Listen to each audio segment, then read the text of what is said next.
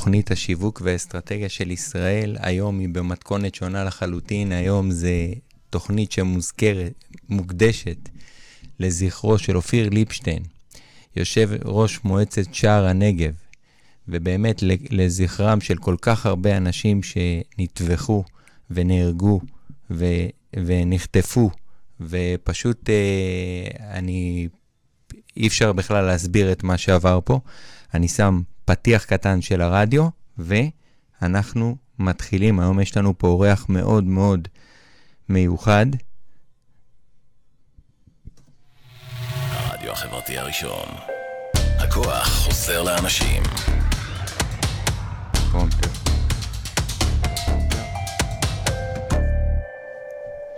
אז ערב טוב לכולם. אז היום קראתי לתוכנית הישראלים, בעצם ישראלים שעוזרים לישראלים. ומה שעשיתי זה פתחתי קבוצה ביחד עם עוד מספר אנשים, והמטרה שלה הייתה עזרה הדדית של ישראלים מכל העולם. ובמקור התוכנית שלי נקראת תוכנית השיווק והאסטרטגיה של ישראל, ולסלול את הדרך ללקוח הבא. היום אנחנו צריכים לסלול דרך, אבל לא ללקוח, אלא דרך ישראלית מחדש. דרך שנטבחה ונרצחה על ידי החמאס. והיום הזמנתי את אחיו, דורון ליפשטיין היקר, שבני משפחה נוספים שלו נרצחו, ואיתם משפחות שלמות שנרצחו בטבח ה-7 באוקטובר, וברצח המתועב שנעשה על ידי החמאס. דורון וכל משפחת ליפשטיין, איכשהו, מצליחים להרים את עצמם, ממש לא, לא מובן מאליו. ו- ולקחת את זה לתקומה, למקום מדהים ומרגש, ויחד עם החלום הגדול של אופיר ליפשטיין, זיכרונו לברכה, הוא פועל להחזיר את עוטף עזה, להפריח אותו, למרות הכאב, ולממש את החזון, אחד מיני רבים של אופיר. אז בואו נקבל את דורון, ואנחנו מתחילים. ערב טוב, דורון. ערב טוב. הנה, הנה, אתה פה רגע, אני שם אותך על המסך שלנו. תודה שהזמנת אותי. תודה, תודה שהתפנית והגעת, אני יודע כמה אתה רץ בין תוכניות, ובאמת פשוט מטורף לראות את העשייה שלך. אתה נמצא בכל מקום, בארצות הברית, בכל כך הרבה מקומות, ומגייס כל כך הרבה כספים, והנה, אבל הכסף הוא הפחות מעניין פה. מה שמעניין זה לראות את העשייה שלך מאחורי הקלעים. ו... ולראות איך אתה בכזאת עוצמה, אני מסתכל עליך בהערצה גדולה, אמיתית, לראות איך אתה, איך אתה בצליח, בכלל מצליח להרים את עצמך אחרי האירוע הלא נתפס הזה. קודם כל, אני אגיד לך מה שאני אומר לכולם. עיכלתי אולי חמישה אחוז, זה אני אומר בהגזמה. אולי חמישה אחוז מהדבר הנורא הזה שקרה לנו. אה, אופיר נהרג בקרב, ניצן נרצח, בילה נרצחה, נטע נרצח, כשהוא מגן על החברה שלו בחירוף נפש, קופץ, קופץ על רימון. וכל הדברים האלה, הם אה, באמת לוקחים כל אחד שעולה. כאילו, זה קשה. אבל... Uh, כשאני מסתכל על מה שאח שלי אופיר עשה ב-50 שנה, זה לא ייאמן. פשוט לא ייאמן. אחותי דפנה אמרה, זכינו בו ל-50 שנה, ממש ככה. כי הוא נתן לכל אחד ואחד מאיתנו כל כך הרבה, הוא היה החבר הכי טוב שלנו, האח שלנו, המשפחה שלנו, העוגן שלנו, כל האירועים המשפחתיים אצלו, כל החגים אצלו, כל ה... אמ, של יום שישי, זה, זה חתיכת אה, מגנט משפחתי. אותו דבר הוא היה לחברים שלו, כולם קוראים לו אח שלי. פשוט מדהים, איפה שאני לא הולך. בארץ ובעולם, יש לו אלפי חברים. תשמע, לא, לא, אנחנו לא מכירים כאלה דברים. ו, וההשפעה שלו הייתה גם על היישוב שלו, כפר עזה, גם על האזור שלו, המועצה האזורית. שהוא היה הראש שלה. גם על המדינה, כל ראשי המועצות, ראשי הערים, אומרים לי, שמע, איזה אח יש לך, היה לך. וגם בעולם, אני חוזר מארצות הברית, אתה לא מבין כמה אנשים באו אליי וסיפרו לי על המפגשים שלהם איתו. כל אחד מראה לי תמונה איתו. תמיד מחבק, תמיד אוהב, תמיד מחייך, תמיד מכניס הביתה. כל כך הרבה אנשים ישנו אצלו בבית, מנפתלי בנט ועד החיילים. היום, אתמול בבוקר הייתי בחדשות ערוץ 13 בבוקר, ואומר לי עיתונאי, כשיש אירועים, ישנו בבית של אופיר. אז uh, זה חלק מהכוח שאני מקבל. עוד חלק מהכוח שאני מקבל uh, זה כל הכלים שרכשתי ב-30 שנה של התפתחות אישית ו-18 שנה שאני מעביר את זה לאחרים. בלי זה, אני לא יודע איך הייתי היום. זאת אומרת, הכלים שיש לי עוזרים לי להתמודד עם המצב. והדבר האחרון, ואולי הכי חשוב, אני מסתכל על ורד אשתו, על הילדים שלו, שלושה שנשארו, ניצן נהרג, נרצח, והם נותנים לי כוחות שאני לא יכול לתאר לך. פשוט מדהימים. אתה יודע ש... שיצאתי מה... מההלוויה של אופיר, קודם כל, אני לא חושב שאי פעם ראיתי הלוויה כזאת, פשוט לא... אני יצאתי עם חשבון נפש כל כך גדול אחרי ההלוויה, וראיתי את ורד ואמרתי, איזה אישה ואיזה משפחה, ולראות את ורד, באמת אשתו, איזה מדהימה היא.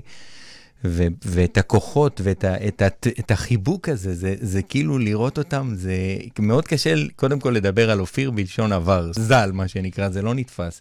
אני רואה את התמונה שלו מאחריך, אתה יודע, ורואים את ה- אותך ככה. אני, אני, אני אתמול הייתי שם בקיבוץ כפר עזה, והבאתי, הזמינו אותי לביקור שעשו הקונגרס הציוני העולמי, כל ההנהלה שלו.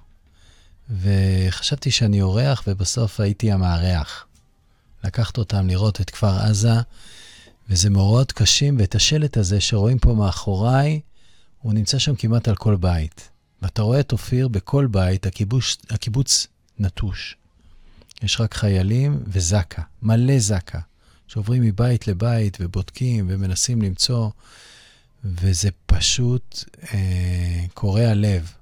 לראות את הדבר הזה, את השלט הזה, את אופירי בכל מקום. והייתי צריך להעביר אותם דרך המסלול שלו באותו בוקר, איך שהוא קם בבוקר, יוצא מהבית, הולך לנשקייה, לוקח את הנשק, חוזר, מתחת לעץ הזית. אנחנו, אתה יכול לראות את זה היום בפוסט שלי. אמ, עצרנו מתחת לעץ הזית עם כולם, והם ביקשו להגיד עליו קדיש, והם אה, שרו את התקווה. אתה יודע שבדרך לפה, עם הקורקינט החשמלי, אני רוכב עליו ואני שר, אני בלב שר את התקווה. פשוט ככה, אני, אני הרגשתי, מדהים. הרגשתי שאני כאילו... שמע, קודם כל אני רוצה להגיד לך שאני מסתכל מהצד על העשייה שלך ועל ה... איך קמתם, ולמרות כל האירועים האלה, אתם כאילו ב... באיזה... כאילו ממשיכים את הדרך שלו, לא מוכנים לעצור. מה, אם אתה יכול לספר קצת על החזון כן, של אני אתחיל רגע במקום שבו הפסקתי בתשובה קודם, כי אתה אמרת, יצאתי מהלוויה. אוקיי, okay, סליחה. כל כך הרבה אנשים באו אליי מהלוויה או מהשיבה ואמרו לי, באנו לחזק, יצאנו מחוזקים, יצאנו בתקווה, יצאנו... הם, לא מאמינים שאנשים כאלה, מאנשים כמו הרצוג וגנץ ומרים פרץ, כל אחד קורא לו חבר, זאת הייתה הלוויה של אהבה. של חברות, של uh, הדברים הכי, הכי מחברים אותנו לאחדות, ולכן זה נתן כל כך הרבה עוצמה וכוח. ואני אומר, uh, זה לא רק אנחנו המשפחה שלו, כי זה חלק מהמורשה שלו, ה, ה, המורשת שלו זה אופטימיות, ולראות תמיד את העתיד וליצור את העתיד. הוא יצר כל כך הרבה דברים, ליאור, שזה מטורף, ועכשיו אנחנו צריכים, כל המשפחה פלוס כל החברים פלוס כל העובדים, אה, כל אחד לקחת משהו קטן ו- ולממש אותו, ויש לנו עבודה ל-50 שנה ביום. אתה יודע, בדיוק כתבתי בזה שלי, בסקריפט פה, בטלפרומטר, כתבתי על זה, שאתה יודע, הלכתי ושאלתי את עצמי, איך, כמה, כמה דברים הבן אדם הזה עשה עד גיל 50. זה כאילו הוא כאילו, הוא חי 500 שנה. לפי, לפי ה, מה, ש, מה שאנשים דיברו עליו וכל הדברים, ואתה יודע, אני קצת קראתי על, בוויקיפדיה מה הוא עשה, ואתה יודע, קצת התעמקתי בזה, וראיתי את כל התפקידים שהוא עשה ואת כל, ה, כל השליחות שלו, ו... ואת הדבר, הדברים, כמו אה, דרום אדום, וכל מיני דברים שלקחת את האנשים למקום של חיבור של אהבת ארץ ישראל. וזה פשוט, ח- מה, ח- 50 יהודית. שנה זה לא נתפס, כאילו, מה הוא עשה ב-50 שנה. מה, אתה יכול לתת קצת רקע באמת, בטח, אפרופו, למה דילגתי. קצת על זה. קודם כל, אני רוצה להגיד שהייתה לנו הזכות ב-1 באוגוסט לחגוג איתו את היום הולדת 50 שלו, ולהגיד לו בפניו את מה שאנחנו חושבים עליו. שזה לא רק אני, גם כל האנשים שאוהבים אותו, שעובדים איתו, וזו זכות גדולה, ואני שמח על ההזדמנות שניתנה לנו להגיד לו את זה, להגיד לו, אופיר, אנחנו אוהבים אותך מעל הכל. שנית, אה, אה, אופיר התחיל את הקריירה שלו בגיל 14. אני אה, הייתי בן 18, סיימתי להדריך בקייטנות, ומנהל הקייטנה, הבעלים, ירון וינקלר, שאל אותי, תגיד, יש לך מישהו שיכול להחליף אותך? אמרתי לו, בטח, אח שלי. הוא אומר לי, ובן כמה הוא? ואמרתי, 14. אמר לי, פה אפשר לעבוד רק מגיל 16. אמרתי לו, שתכיר את אופיר, תבין שאתה רוצה לעבוד איתו. אופיר בגיל 15, שנה אחרי, כבר ניהל את כל הקייטנות של ירון וינקלר. הוא ניהל את הקייטנות בגיל 15. אני זוכר שירון הביא מרכז קייטנה שברח הביתה באותו יום, היום הראשון לעבודה, כי הוא אומר, איך אני יכול לקבל הוראות ממנהל קייטנה בן 15, שאני מרכז בן 40? ואופיר ככה היה לכל אורך החיים. הוא פשוט איש חזון, איש ביצוע, אחד שאפשר לסמוך עליו. בגיל 18 הוא כבר ניהל הרבה קייטנות וניהל ציים, ציים של אה, אוטובוסים לקייטנות וילדים, ובצבא עשה שירות אה, טוב כחובש, הכיר את ורד שהייתה מש"קית ת"ש שלו ביחידה שם, ומפה הוא התקדם לאט לאט, לאט לאט. הוא עבד איתי הרבה שנים, ממש ביחד, ביחד, אז לא יכלו להבדיל בינינו במראה. הוא עבד uh, בעמותת אתגרים. את מנטור צ'אנל, לא כן, הקמתם ביחד. כן, מנטור צ'אנל הקמנו ביחד, אני מלונדון, הוא מהארץ, ככה הקמנו, זה התחיל באביב V&O, זאת הייתה החברה שהוא הקים על שמו, שם בנו הבכור אביב, ורד אין אופיר, V&O, okay. אוקיי. ועל זה קראנו את Coaching Interactive, שלימים נהייתה Mentors Channel, והוא עשה איתי כברת דרך מאוד ארוכה, אחר כך uh, הוא ניהל בקיבוץ את כל הדירות להשכרה. אחר כך נהיה חבר אה, הנהלת הקיבוץ והנהלת המועצה, והיה יושב ראש של ג'ו אלון, מרכז הבדואים, והיה יושב ראש של קיבוץ שנקרא חולית, שמאוד מאוד מאוד אה, היה לו קשה, וקראו לו אופיר, ואופיר עשה שם turn around, הפך את הקיבוץ למקום שכולם רוצים לגור בו. אמ, אתמול או שלשום אישרו יישוב חדש, שיקרא אופיר. וואו, איזה מרגש. ועוד דברים שהוא עשה, הוא היה בדירקטוריון של קק"ל, בדירקטוריון של ספיר, הוא היה חבר הקונגרס הציוני העולמי, הוא היה מנכ"ל התעשייה הקיבוצית. ועוד ועוד ועוד. יואו, איזה, איזה, איזה איש. ועוד הוא התחיל בהתחלה, בהתחלה גם לעבוד עם אבא שלו, גדעון, אבא שלי, שאופיר נכנס לנעליים גדולות שלו, והוא עבד איתו בתחילת הדרך. אה, הקים עסקים, עשה באמת דברים גדולים, והביא המון ניסיון, אבל בעיקר אנושיות. היום דיברו איתי בארגון הזה שנקרא בונים דרור, שהוא היה היושב ראש שלו, והם אמרו, אופיר דיבר על שלושה דברים. אחד זה מקצועיות, שניים זה שירותיות, ושלוש, אנושיות. כמה זה חשוב הדבר הזה של אנושיות. וביום הזה, ליאור, ב-7 לאוקטובר, נשברה, נשבר האמון של הרבה מאיתנו באנושיות. בזה שאנשים שאופיר השקיע בהם באמת המון אנרגיה, הוא האמין בשלום, הוא האמין בלחיות זה לצד זה, הוא, הוא ממש יומם וליל האמין שצריך ליצור להם מקומות עבודה וצריך ליצור להם איכות חיים, והם באו והרגו את האדם שבנה להם את העתיד, ולצערי, מה שיישאר להם עכשיו בעזה זה חורבות במקום עתיד של מפעלים ותעשייה והייטק וסטארט-אפים וכל מה שהופיע חלם בשבילהם. ודרך אגב, כמוהו עוד הרבה מההרוגים בקיבוצים וביישובים בסביבה, שהיו כל בוקר הולכים ולוקחים עזתים חולים לבתי חולים בארץ ונלחמים בשביל לעזור להם. ואנחנו מבינים היום שהחמאס זה לא אנשים, זה רעיון. ואת זה אנחנו צריכים uh, לעקור מהשורש. אתה יודע שאחד הדברים שרציתי לשאול אותך, זה איך. אתה רואה היום uh, את הנושא הזה של ההסברה. איך, איך אפשר להסביר באמת, כאילו, אתה יודע, כש, כשמסתכלים על מה שקורה פה מהעולם, הם אפילו לא מבינים את, ה, את הגודל הזה של האירוע. כולם נכון. ככה אה, אה, מתייפייפים ו, ו, וחושבים ש... מה, מה שקורה פה זה אולי, אני לא יודע מה, אולי זה ביחס לעזה, זה, זה לא נורא. זה כאילו, זה לא נורא, כי שם נוצרים דברים מטורפים, מה שאנחנו עושים להם, אבל אם אנחנו נשווה את זה למדינות כמו לונדון וכאלה, או ניו יורק, אם היה שם טיל אחד שנופל על ניו יורק, כל העולם היה כבר עם פצצות אטום. ממש. ממש. אז חלילה, אני לא, אני לא נכנס פה לעניינים לא, של זה, רק, זה, רק זה ברמת זה... הרעיון. מה, כן, איך אתה רואה כן. את העניין? קודם כל, הייתה לי הזכות שבוע שעבר להיות בניו יורק, להיות בוושינגטון, לדבר עם uh, חברי קונגרס, uh, להיות בקהיליות יהודיות, uh, גם בניו יורק וגם בפלורידה, הכל ביומיים וחצי. ותהיה לי הזכות בשבוע הבא להיות בלונדון, בבית הנבחרים, ראשון, שני. ואני יכול להגיד לך שקודם כל, המשימה שלנו זה להפוך את מה שקרה לעניין שלהם. זה המהות.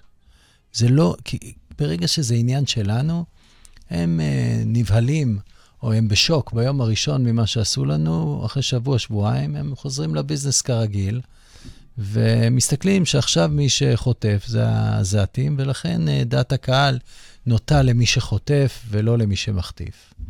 אבל אם אני הופך את זה, זה עניין שלכם, יקרים.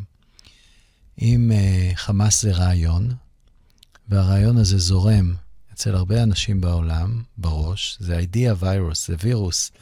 אז כמו הקורונה, שמישהו בסין חלה וכל העולם עצר מלכת, אני אומר לכם שמה שקרה פה יכול לקרות גם אצלכם מחר.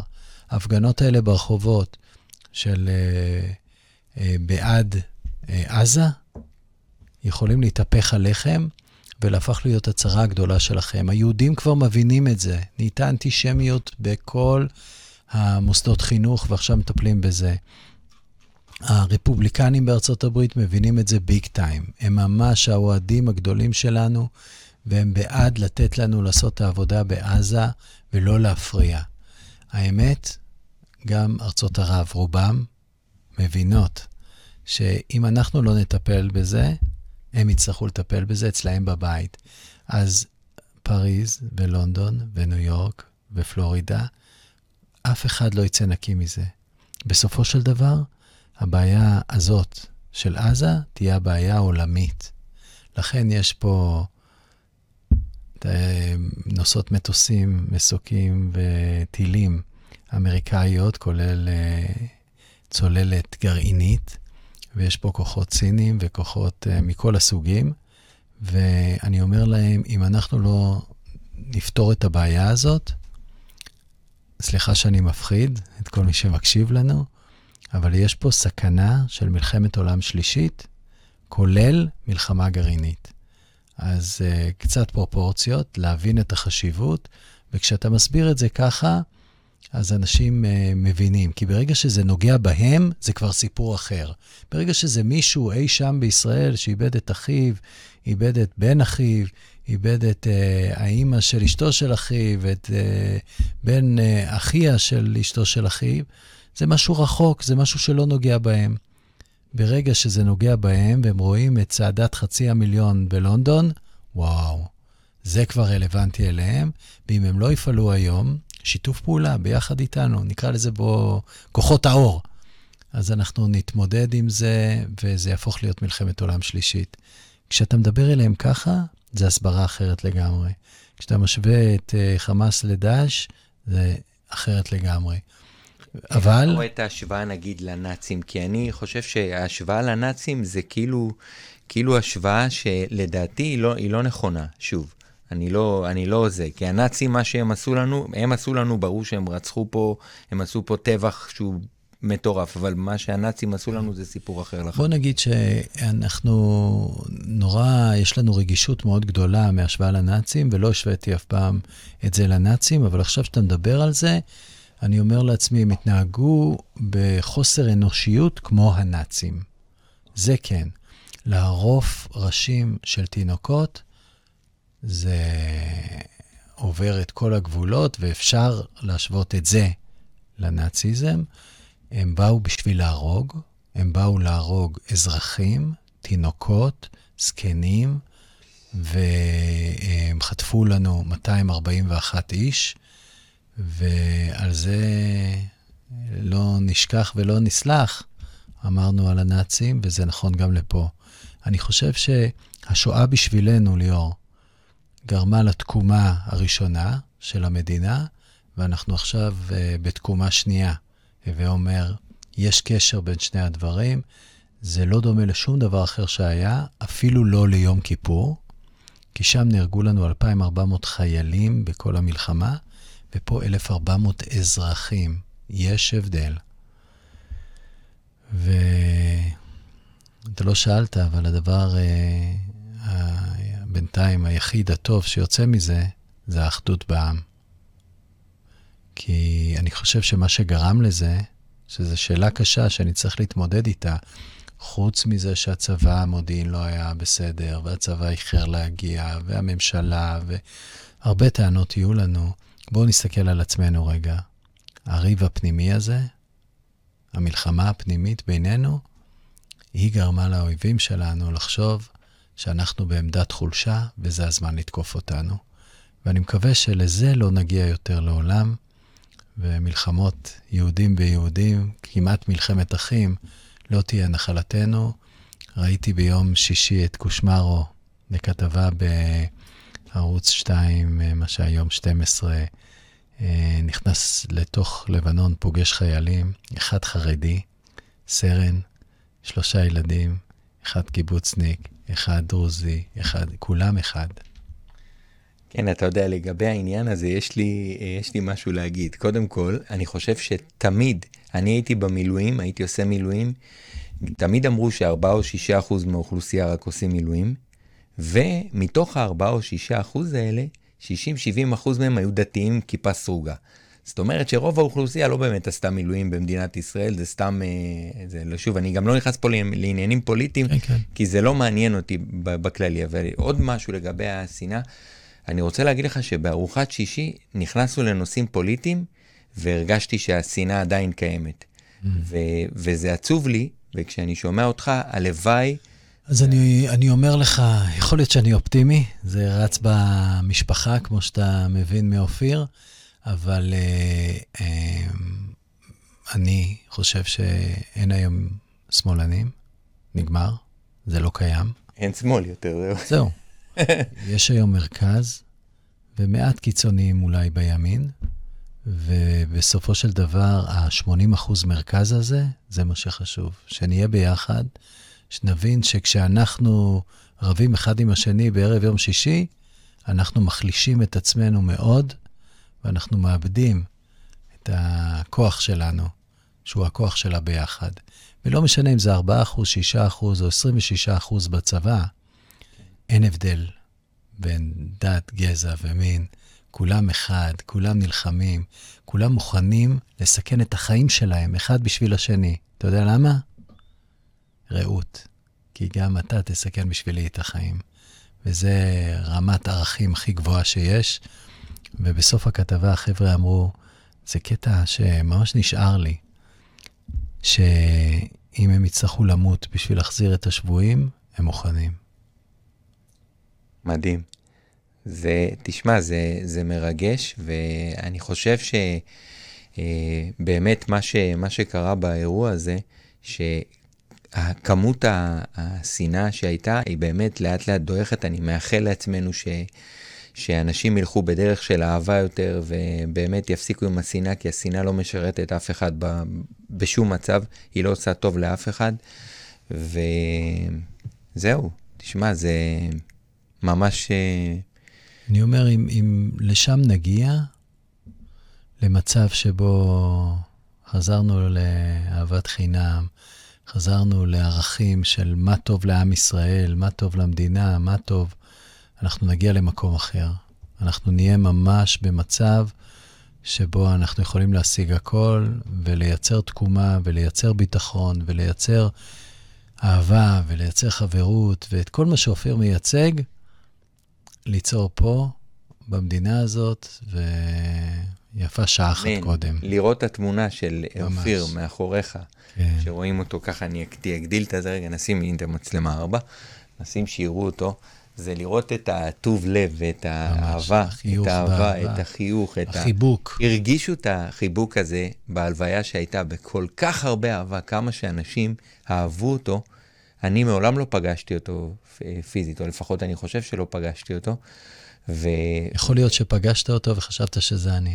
אולי, זאת גם אופציה. הייתה לנו תקופה שממש נראינו זהים. אני עכשיו קצת עם הזקן וה... וירדת, הורדת איזה חצי דורון. כן, נכון, נכון, נכון. אז אה, כן, זה בדיוק אופיר, ו... וממשיכים יחד, תשים לב למילה הזאת, יחד, בכחול. זה. זה אהבתי ה... את, ה... את הסלוגן הזה, yeah. כן. ממשיכים יחד, זה ממש. ממש ככה, זה כאילו, זה for life, זה for yeah. כן. granted, זה כאילו... ותדע לך שהיה לו קשה בבחירות, כי פוליטיקה יש בה לכלוכים ודברים כאלה, והוא לא הסכים. כמה שהיועצים אמרו לו, מתקיפים אותך, תתקיף בחזרה. הוא לא הסכים, הוא נשאר בערכים שלו, וביום הולדת שלו הוא איחל לעצמו שהוא יצא מהתפקיד אחרי עשר שנים, הוא כבר סיים חמש. עם אותם ערכים שהוא נכנס. אתה יודע, אני רואה, אני ככה, אתה יודע, אני מעורב כזה בתוך הפוליטיקה של רמת גן וזה, ואני רואה כמה שנאה יש בין, בין מתחרים כל הזמן. ואתה יודע, את כל הדברים הכי מגעילים שיכולים להיות, אנשים מכניסים. וזה כל כך מרגש, קראתי את זה בוויקיפדיה, גם היה כתוב על העניין הזה, וזה מרגש לראות את האהבה הזאת. תגיד, איך מתמודדים באמת עם השנאה? אתה יודע, עכשיו אני רואה כן. הרבה הרבה ישראלים, עכשיו יש הפגנות בוושינגטון, נכון, נכון. שגם חברים מהקבוצה שיתפו אותנו, שיתפו גם אותי בפרטי, וגם יש לי קרובת משפחה, דודה שלי, שהיא נמצאת שם עכשיו בהפגנה, ופשוט מטורף. איך מתמודדים עם השנאה הזאת? מה, מה עושים? איך אה, היום נהיה מפחיד כבר להסתובב, אתה לא יודע מאיפה... כן, אני שמעתי את זה מאנשים לפני שבוע. ממש ביום אה, אה, רביעי וביום חמישי, החבר'ה אמרו לי, תשמע, השכן שלנו ממול, שכל בוקר אנחנו אומרים לו שלום, בידידות מלאה, מפגין עכשיו נגדנו וחושב שאנחנו האויב. התשובה היא, אה, היא אחרת. באחדותנו, אנחנו יכולים לשנות את הכל. אני אתן שתי דוגמאות. אחת זה, אנחנו רואים הרבה אנטישמיות שבאה באוניברסיטאות. מה מחליטים האנשים החכמים היהודים בעולם? מפסיקים להשקיע באותן אוניברסיטאות. תוך שבוע-שבועיים הן משנות את אורן, וממצב של מאפשרות אנטישמיות על uh, מה שנקרא חופש האדם, הן uh, מבינות שזה נגדם. אז uh, זה פעולה אחת שעושים ומקטינים את האנטישמיות. צעד שני, מתחברים אה, מנכ"לים יהודים של החברות הגדולות בעולם, ופשוט עושים רשימה. קוראים לזה רשימה שחורה של מי שמצהיר שהוא שונא ישראל, שונא יהודים, ואומרים, מי שאנטישמי לא יתקבל לעבוד אצלנו בחברות. ומה קורה באותו רגע, יקירי? 40% מהם יורדים מהרשימות ויורדים מההפגנות, והם מבינים את המשמעות של שנאה. זאת אומרת, פתאום אנחנו רואים אחדות של מנכ"לים של חברות ישראליות ושל uh, קהילות יהודיות שמחליטות, uh, רגע, אנחנו נדאג למנהיגות שלנו, אנחנו נדאג לאוניברסיטאות שלנו, אנחנו נשקיע בהם. יש לנו יכולת להשפיע על העולם. לא סתם כל כך הרבה יהודים זכו בנובל, והם נמצאים בכל המדינות בדרגות מאוד מאוד בכירות. על השנאה הזאת אנחנו נגיב באחדות בינינו. אתה יודע שאחרי האירוע הזה, אני כולי הייתי בהתקפה, כל הזמן כתבתי פוסטים של, כולי הייתי כעוס, שנוא, ממש אני הייתי מלא מלא בשנאה. אני שלושה שבועות לא הצלחתי, בשלב מסוים החלטתי לעשות ריפוי, עשיתי ניקוי ממש, שלחתי, הסתרתי את כל הפוסטים האלה שכתבתי, כאילו, אתה יודע, זה לא באמת, אה, זה פשוט, כן. הרגשתי כל כך הרבה שנאה, כעס, אה, כל כך הרבה רגשות שליליים, שאני כל פעם רואה אותך, ומהרגע הראשון שראיתי אותך, ואיפה שאני לא רואה אותך בכל מיני לייבים, והשתתפת בכל מיני כנסים, ובכל מקום, אתה כל היום, בכל מקום, אתה, בכל מקום אתה נמצא. כאילו יש עשרה דורון. ו, ואני שואל את עצמי, איך הבן אדם מרגישים שיוצא ממך רק אהבה? לא מרגישים שנאה. אני הוצפתי, אני, אני, לא, אני לא חושב שזה היה משהו שהוא... קודם כל, אה, אני חושב שכל אחד בדרך שנכונה עבורו, ויש איזשהו שלבים באבל שבהם אתה כועס, וזה בסדר וזה טבעי, ואם אתה נותן לזה מקום ליאור, ואתה נותן לזה להציף את הגוף שלך, קורה מה שקרה לך, זה משתחרר, זה נעלם, ואז אתה עושה את השינוי. ויכול להיות שמתחת לכעס ומתחת לשנאה, יש עוד משהו יותר עמוק מזה, וחלקנו נעלבנו, חלקנו התאכזבנו, חלקנו אה, ממש נשברנו לרסיסים. אבל אם אתה נותן לרגש הזה להיות, ואתה לא מפחד ממנו, ואתה נותן לו, מה שנקרא, להיות בכל פינה בגוף שלך, זה emotion, energy in motion, הוא עובר. ומתחת לכל הרגשות יש את הדבר הזה שאתה ראית אצלי. ובגלל שאתה ראית אותו אצלי, אני יודע שהוא קיים אצלך. וקוראים לזה אהבה. לגמרי. ואני לא אגיד לך בנאיביות שאני אוהב את מי שעשה לאחי את מה שהוא עשה. לא. אבל אני יודע שהם מתים או שימותו. בסדר? זה לא משהו שיש לי ברכות אליהם. אבל uh, אני כן יודע, ולמדנו את זה שנינו ביחד, שאת המציאות אני לא יכול לשנות. את הפירוש שלי על המציאות אולי אני יכול לשנות, ואת מה אני אעשה עם העובדה שהאח שלי האהוב, המדהים, המנהיג, לא נמצא איתנו, ומה שאני עושה עכשיו זה ממש uh, להעביר את האנרגיה שלו, את המורשת שלו, את האהבה שבו, את האופטימיות שלו ליותר ויותר אנשים, ואני מדבר לכל מיני קהלים, כולל קהל שנפגע, עשינו ביום שישי לפני שבועיים את uh, שחאור בקיבוץ uh, שפיים למפוני כפר עזה. פשוט שרנו איתם, שרנו איתם את בו של ריטה. בואו נפזר את מסך הערפל. ראיתי, ראיתי את הכנס הזה. חכה שתראה את הקליפ המדהים שיצא. חשבתי לבוא לשם גם. ואפשר היה לראות את זה גם מהבית, ראו את זה מהבית אלפי אנשים. אה, אותו דבר עשיתי לפני יומיים, ביום ראשון, כשהייתי ברמת רחל ודיברתי עם המפונים של קיבוץ דורות.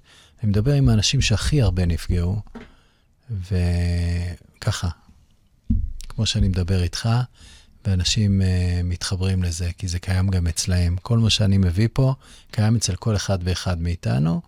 ועוד פעם אני אומר לכל מי שמרגיש עדיין את הכאב, את ההשפלה, את הבושה, את הכעס, את ה... זה בסדר, זה חלק מהתהליך. תנו לזה להיות וזה ישתחרר. אתה יודע, מה שאותי הכי הרבה אה, שבר, ואני חושב שזה היה דבר יותר גרוע מהכל, זה כאילו ברמת האמון. אה, הרבה אה, בנים של לקוחות, חברים, נרצחו, נחטפו, ממש. אבל מה ששבר אותי באמת, באופן אישי, כבן אדם שתמיד, עוד הייתי, כבן, כסטודנט, הייתי בוחר במרץ באוניברסיטת תל אביב. ואני אומר, מה ששבר אותי, ששמעתי את הסיפור על בחור בשם חליל, מנתיב העשרה, שהוא כאילו, כולם קיבלו אותו כל כך יפה, ובסוף כאילו דאגו לו, והוא היה יקיר התושבים, ובסוף אותו בן אדם, אה, לקח, שרטט מפה ורשם כמה אנשים נמצאים שם, אם יש כלב, אם אין כלב, מאיפה נכנסים, מאיפה יוצאים, ופשוט טפחו את כולם שם. ו, וזה משהו שלקח לי איזה שלושה שבועות רק, רק לנסות להבריא מה, מהסרטון הזה שראיתי, שפשוט שלושה שבועות לקח לי ש... רק לנסות לה, לה, להחלים מהסיטואציה הזאת. אז uh, פשוט, uh, שוב, אתה, אתה מצליח להביא לעולם קולות של אהבה, שהם קולות שבאמת לא... כשמסתכלים מהצד, זה, זה לא, לא נתפס בכלל, הדבר הזה. מאיפה ה... זה קרה לי, זה התחיל באירוע מסה של אהבה, שעשו ביחד, בונים עולם חדש, יום אחרי ההלוויה של אופיר. זה היה ביום חמישי, כשההלוויה של אופיר הייתה ביום רביעי.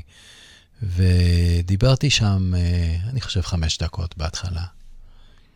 ראיתי את החמש דקות שלך. ודיברתי מהלב, אין לי מושג מה אמרתי. אני אומר לך, ליאור, הרבה פעמים כשאתה מגיע, אתה פשוט uh, נותן ללב להוביל, נותן לאנרגיה לצאת. וגם כשאני שומע על חליל, אז אני מתבאס. אני מתאכזב, אני אומר לעצמי, איזה כפיות תודה, איך בן אדם יכול להתנהג ככה. היו אליו, ממש התייחסו אליו כמשפחה, וזה התודה שהוא אומר. אני נזכר אז בספר Seven Habits for Highly Effective People, שבעה אה, הרגלים אה, של אנשים מאוד אפקטיביים, ש... אה, מסופר שם על, אה, על הסופר שנכנס לרכבת ורואה בן אדם עם כל הילדים שלו, והם משתוללים ועושים רעש ברכבת.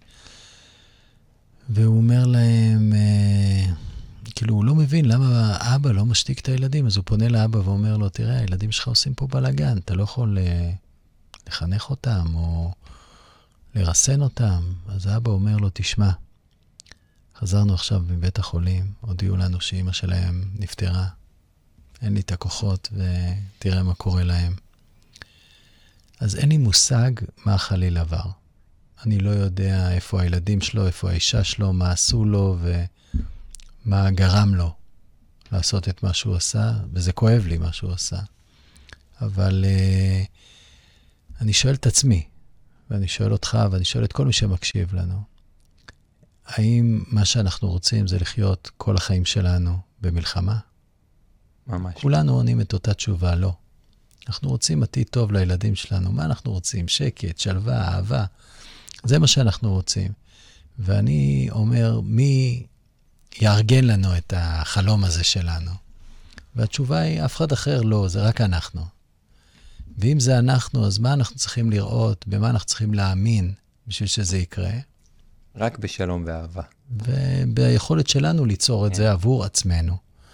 אז יש כאלה שאומרים, טוב, אני אסע לאנטבה, איפה שאתה יודע, רצו לתת לנו שם להקים את הבית היהודי, והרבה אנשים אה, באמת בתקופה הזאת ובכלל עוזבים, כי קשה להם עם האנרגיות שאנחנו חווים פה, ויש כאלה שאומרים, מאז יצא מתוק. אנחנו נייצר פה תקומה של שלום, לא לתשעה חודשים, לא לשלוש שנים. אנחנו ניצור פה שלום ל-200 שנה.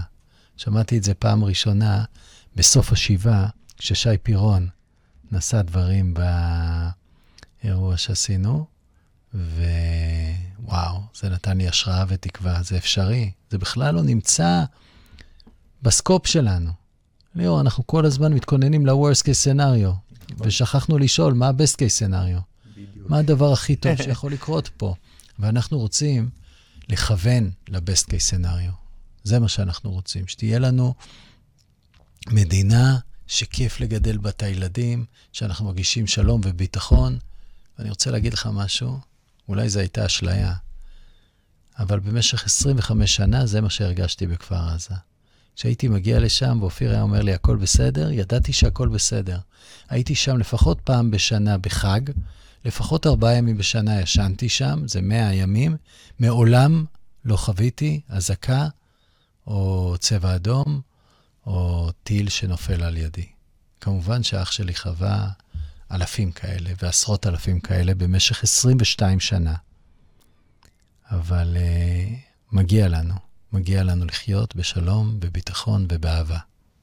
לשמוע את זה ממך, זה נותן הרבה כוחות. אה,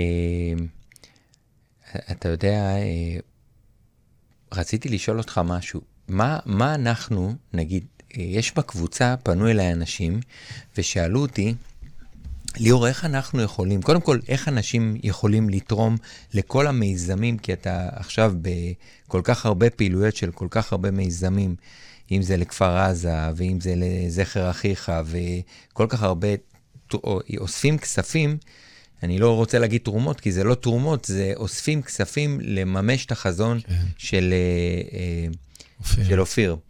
ואם אתה יכול לספר קצת על, על כל מיני פרויקטים, ואיך אתה יכול, איך עכשיו, שאני אעביר גם, אני אחתוך את הסרטון הזה, אחר כך את החלק הזה. בטח, בטח. ואני שמה, אשמח לשמוע איך אנשים יכולים לעזור לך לממש את החזון הזה. מה הם יכולים לעשות, אם זה בעלי עסקים, איך הם יכולים לתרום כמה שעות, אולי לתרום קצת מהמקצועיות שלהם. פנו אליי מלא אנשים בפרטי. אני יודע, ואני רוצה להגיד קודם כל תודה. תודה לך, תודה לכם. זאת השאלה שאני שומע הכי הרבה. איך אנחנו יכולים לעזור? ואני לא רק שומע את זה כל יום, כל כך הרבה פעמים, אני גם מקבל את זה במסנג'ר ובוואטסאפ ובאימיילים.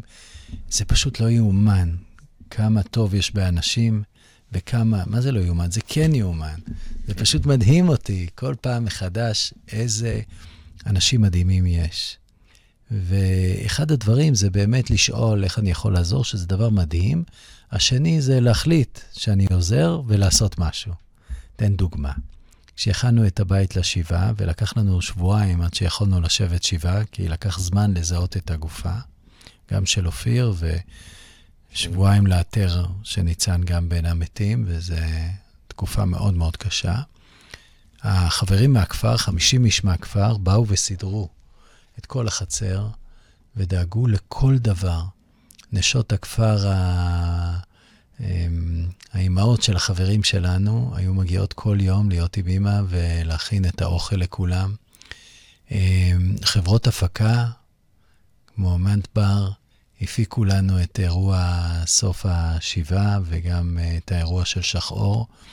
אנשים כל הזמן באים לא רק עם בקשה במה אני יכול לעזור, אלא גם עוזרים בפועל. פרויקטים של אופיר הם רבים ומגוונים, ואני רוצה להגיד אה, שזה רק ילך ויגדל. כי אופיר, עם כל הרעיונות הגדולים שלו, היה בן אדם ענב. הוא הסתפק במועט, הוא היה, נגיד, בטיסות תמיד הכי זול, מלונות הכי זולים. אה, וגם כשהוא בא לבנות uh, מגרש כדורסל, אז הוא הלך על ה... והיום, האנשים שנכנסים בנעליו uh, חושבים ממש בגדול. Uh, נפגשתי שבוע שעבר עם ראסל, שהוא uh, יו"ר ה-GNF, הקק"ל האמריקאי. והוא אומר, כל בית וכל יישוב ייראה מיליון דולר, הוא מבטיח את זה. הוא יביא את הכספים, ובארץ מביאים את כל מה שלא נתנו במשך עשרות שנים לעוטף, עכשיו ישקיעו. ויעשו את המקום הכי יפה בארץ, שיגרום לאנשים לרצות להגיע לשם. ויהיו פרויקטים של הנצחה בכפר נטר, לדוגמה, הכפר שאני גר. ביום שישי אנחנו עולים לקבר לשלושים. אז אה, ממש מקימים דרום אדום בכפר נטר. לקחו שדרה בכניסה ושותלים בכלניות. זה דוגמה למשהו שעושים. לאורו של אופיר, הפרויקט של הנרות, של אה, חנוכה, אפשר לקנות נרות לאורו של אופיר וממש אה, לתרום לעשייה של תנועת הנוער, הבונים דרור, שהוא היה יושב ראש שלה, ושל חמסה, שזה מיזם ביחד עם מרים, שפרץ, מרים פרץ, כן. איבדה, מה זה, שקלה את שני בניה במלחמות ישראל, ואמרה לאופיר, הוא כמו בן שלישי שלי. בכיתי uh, בנאום שהיא דיברה ממש, שם, בכיתי ממש. ממש, פרויקט חמסה לחיילים בודדים, שאפשר לתרום גם לו. יש לנו את פרויקט נטעים, שזה החלום הגדול של אופיר, שאומר שאופיר כבר הקים 80 קהילות מבודדות בעולם, שלא היה להם קשר לישראל. ואופיר ושירי מדר וצוות אה, נטעים וצוות הללויה, שזה פרויקט שלוקחים משם ילדים ומפה ומלמדים אותם מנהיגות מגיל צעיר, מנהיגות יהודית. וזה פשוט מדהים, העשייה הזאת. הפרויקטים האלה יגדלו בצורה דרמטית, ומי שרוצה יכול לתרום להם. אנחנו עושים אה, ממש סבב בכל העולם שבו אנחנו מגייסים למיזמים האלה.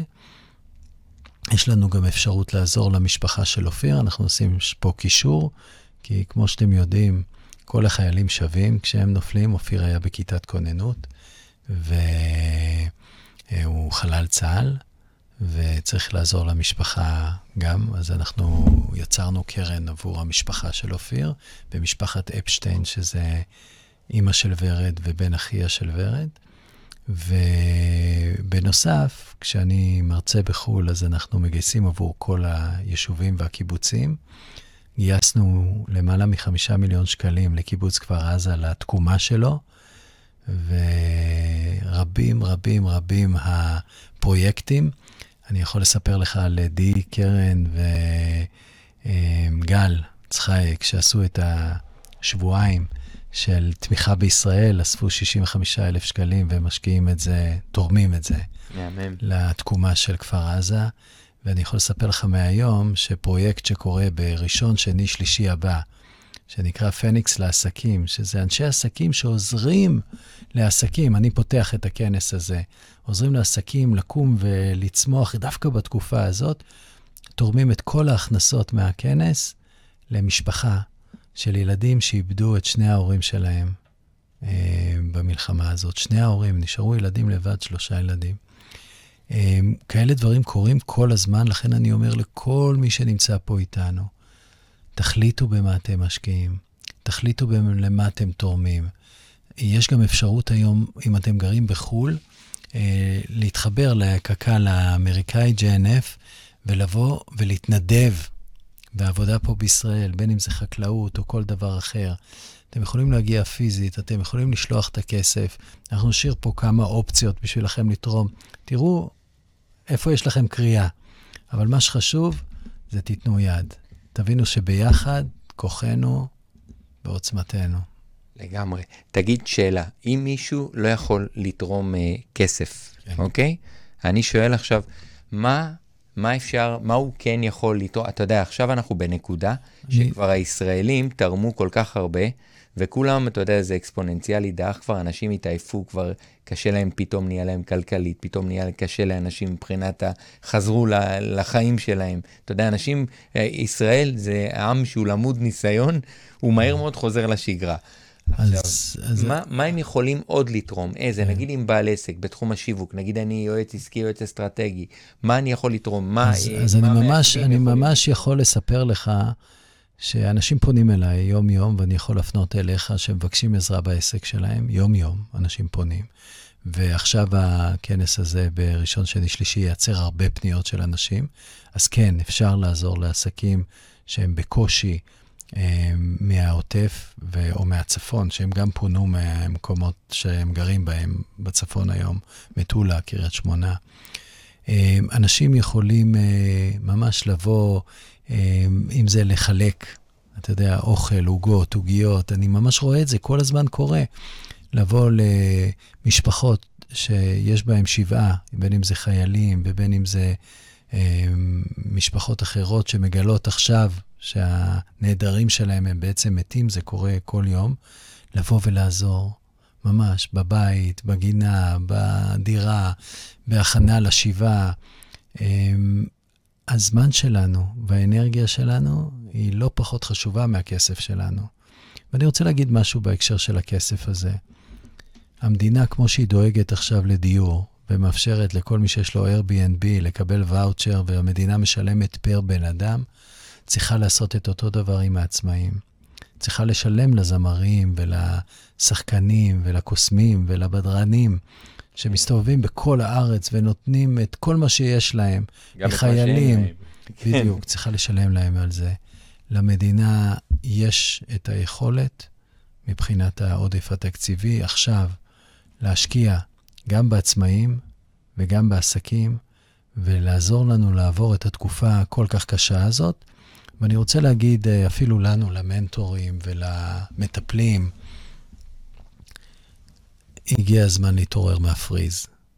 בסדר? היינו בקיפאון, לא ידענו מה לעשות. ידענו שזה זמן מלחמה ועצרנו הכל. עכשיו הזמן לבוא לאנשים כמוך ולשאול איך אפשר לשווק לקהל שלי. אני אתן דוגמה אישית, בסדר? אני נמצא פה היום, ואני עמדתי לעשות אה, אירוע שקוראים לו מה עכשיו, יום, בשמיני לחודש. היו רשומים אליו 120 איש, והיו לי כבר ביום רביעי שאחרי זה 18 אה, איש לקורס שעמדתי לפתוח, שקוראים לו You are the one. כמובן שלא פתחתי את הקורס ולא עשיתי את האירוע יום אחרי. אבל ביום ראשון הקרוב אני עושה את האירוע מה עכשיו. כרגע יש לו כבר 500 נרשמים. וואו. אני מאמין שעד יום ראשון יהיו אלף, רק תראה את ההבדל. אני עושה שיווק, אני משקיע בשיווק ממומן, עולה לי ליד 2.5 שקלים, וזה שווה כל שקל. בסדר? אני ממש נותן את הפרטים כדי שאנשים אולי יקבלו השראה ויעשו גם. מי כמוך, מי, מי ממך לקבל השראה? מי, מי אם לא אתה, כאילו? ואני אומר לכם, ייפתח לא קורס אחד של are the one, ייפתחו שלושה. תיפתח סדנה, ייפתח קורס בזום וייפתח קורס פיזי. אז דווקא בתקופה הזאת, אנשים שואלים מה עכשיו, ורוצים לקבל את התשובות ואת הכלים שיש לך ולי ולכל מי שמקשיב לנו. אתם חושבים שלא מתקללים, מתקלקלים אה, דודי חשמל, שהמקרר לא מפסיק לפעול, שהעולם עצר מלכת? לא. אנחנו עצרנו מלכת, נכון. כי היינו בפריז והיינו בשוק. הגיע הזמן ליטור. להתחיל להניע את הגלגל הזה, וזה לא פוגע באבל שלנו, וזה לא אומר שחס וחלילה אנחנו מנצלים את המצב או כל דבר אחר.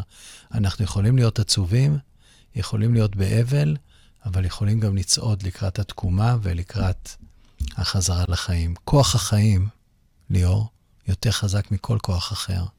כוח החיים זה מה שעזר לוורד, אשתו של אופיר, לקום יום אחרי שהיא קברה את אימא שלה ואת הבן שלה, ולהקים בית בישראל, ולשכור בית במתן, ולמלא אותו בכל טוב ביחד עם החברים שלה מהקיבוץ שהיו שבורים לחלוטין.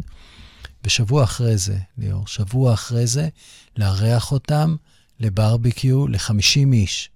והיא עשתה את זה גם בשישי האחרון, וזה כוח שאי אפשר לתאר, קוראים לו כוח החיים, תקרא לו פרנה, תקרא לו צ'י, תקרא לו מה שאתה רוצה. הוא יותר חזק מהכל. ואת זה הם לא יכולים לקחת מאיתנו. זה מחזיר אותי להשוואה שעשית לשואה, ולדבר על האדם מחפש משמעות. אי אפשר לקחת את זה מאיתנו. יש בנו את הכוח הזה, ואנחנו עוד נגדל, נצמח, נתפתח, נאהב, ונחיה. מדהים. אז אתה יודע, רק ככה כמה מילים, פתחתי איזה קבוצה, כי אני בדיוק כמו שאתה דיברת, אמרתי, אני, אני פתאום, די, אני צריך לפנות לקהל בחו"ל יותר. כאילו, גם ככה הייתי עובד עם אנשים בחו"ל, אבל אמרתי, אני צריך לפנות לקהל בחו"ל. ואז התחלתי לשווק, לפעול, פתחתי קבוצת וואטסאפ ביחד עם דינה מהולנד, ועוד עוד מספר אנשים, ואנחנו ממש פתאום יצרנו אה, תעודה מאוד גדולה, וחיבורים, ודברים מדהימים, ומיזמים משותפים, ותרומות, ומביאים ציוד מכל מיני מקומות, ודברים, בתוך הקבוצה הזאת נוצרים דברים מדהימים. ו... ו באמת, אם, אם יש דרך איכשהו גם כן אחרי זה, אני גם אדבר איתך בפרטי ונראה מה אפשר לעשות, אולי לרתום את האנשים שם מחו"ל, אולי, אולי לרתום קהילות מחו"ל, לתמוך ב... ב לקנות את, את, את, את הפעולות, את הדברים שהם עושים ביום-יום בעסק שלהם, מתושבי... תוצרת ישראל, כן, תוצרת ישראל, ישראל, אתה זוכר, כחול לבן. וגם לתמוך ב, כן. ב, בעסקים שהם אה, אנשים מהדרום, שעזוב שגרה, הם... במקום אז של... אז תדעו, תדעו שיש לא רק 16 מיליון יהודים בעולם, יש גם 100 מיליון אוונג'ליסטים שאוהבי ישראל ורוצים לעזור ורוצים להשקיע ורוצים לתרום, וזה הזמן באמת להסתכל החוצה, ליאור, כמו שאתה עשית, ולהוות השראה לאנשים אחרים, אולי אפילו ללמד אותם איך להביא לקוחות מחו"ל ואיך אה, לעזור ללקוחות בארץ להתרומם מההריסות להתחיל לשווק ולהחזיר את העסקים, כי המדינה שלנו צריכה את העסקים עובדים. המדינה שלנו צריכה את זה, זה לא סימן שאלה, זה לא nice to have, זה must have. כי אם אנחנו נמשיך ככה במשך שנה, והכי היה, אתה יודע, מנכ"ל התעשייה הקיבוצית, אם לא נמשיך בתעשייה, אם לא נמשיך בשיווק, אם לא נמשיך בייצור, אם לא נדאג לתזרים, אף אחד אחר לא יעשה את זה בשבילנו. אז אני אומר, בואו, נעזור אחד לשני, ניתן יד, נתחבק, נעשה ביחד. הרבה שיתופי פעולה, זה זמן לשיתופי פעולה. ומי שיכול לתת, ייתן בכסף, מי שלא יכול לתת, שייתן בעבודה, מי שלא יכול לתת, שייתן במילה טובה, בתמיכה. אבל הכי חשוב, הכי חשוב, מעל הכל, בואו, מה שנקרא, נעבוד ביחד. בואו נפעל לאחדות. בואו נעשה את הדברים כמו שהצבא שלנו עושה עכשיו בעזה, ככה אנחנו פה ברמת הכלכלה, הרמת הביטחון, הרמה של uh, המכה הגדולה הזאת שחטפנו, ונצא מפה יותר חזקים, יותר מאוחדים, יותר אוהבים. וסיימתי ככה עם הבאנר של אופיר, של, uh, אופיר ואני חושב שהוא פשוט מסמן הכל. מסמן הכל. ממשיכים יחד. זה העניין. להמשיך, ובאמת uh, להמשיך את הדרך של אופיר, ולהמשיך את החיוך הזה, ואת אהבת אדם. ואני אני מאוד מאמין שמאוד קשה לי לדבר כמו שאבא שלי, זיכרונו לברכה, נפטר. אה, אני חושב שאנשים שהם חלק ממך, הם לעולם לא מתים, הם תמיד איתך. נכון. זאת אומרת, אופיר הוא איתנו, ממש. והוא נוכח פה. בחדר הזה, ברגע הזה. הוא נוכח ב, במדינה, והוא נוכח ב... ב, ב בעשייה שלו ובכל המיזמים ובכל המקומות ובכפר עזה וב, ובכל ה... בכלל, בכל שער הנגב וכל כל, כל הארץ וכל מקום וכל העולם. ממש ככה. אז זאת הזדמנות גם להגיד לאופיר, שאם הוא שומע אותנו מלמעלה, אז שאנחנו אוהבים אותו. שומע, הוא שומע, הוא שומע. תודה על הזכות, תודה על, ה, על האהבה, על כל מה שאתה נתת לנו, ועדיין yeah. נותן, כי אתה עדיין איתנו. וכשאתה מדבר, שאתה, כשאתה מדבר, נשאר לי השיר הזה. מה נשאר? רק אהבה, רק אהבה. רק אהבה. תודה רבה לך, ליאור, על ההזמנה. תודה לך, דורון.